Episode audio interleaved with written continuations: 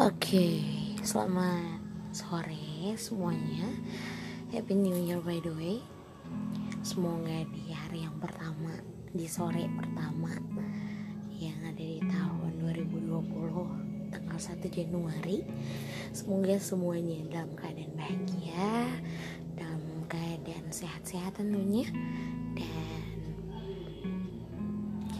dan memperkenalkan nama gue Prilly, baru di podcast. Uh, banyak ingin belajar sih dari dunia podcaster itu kayak gimana.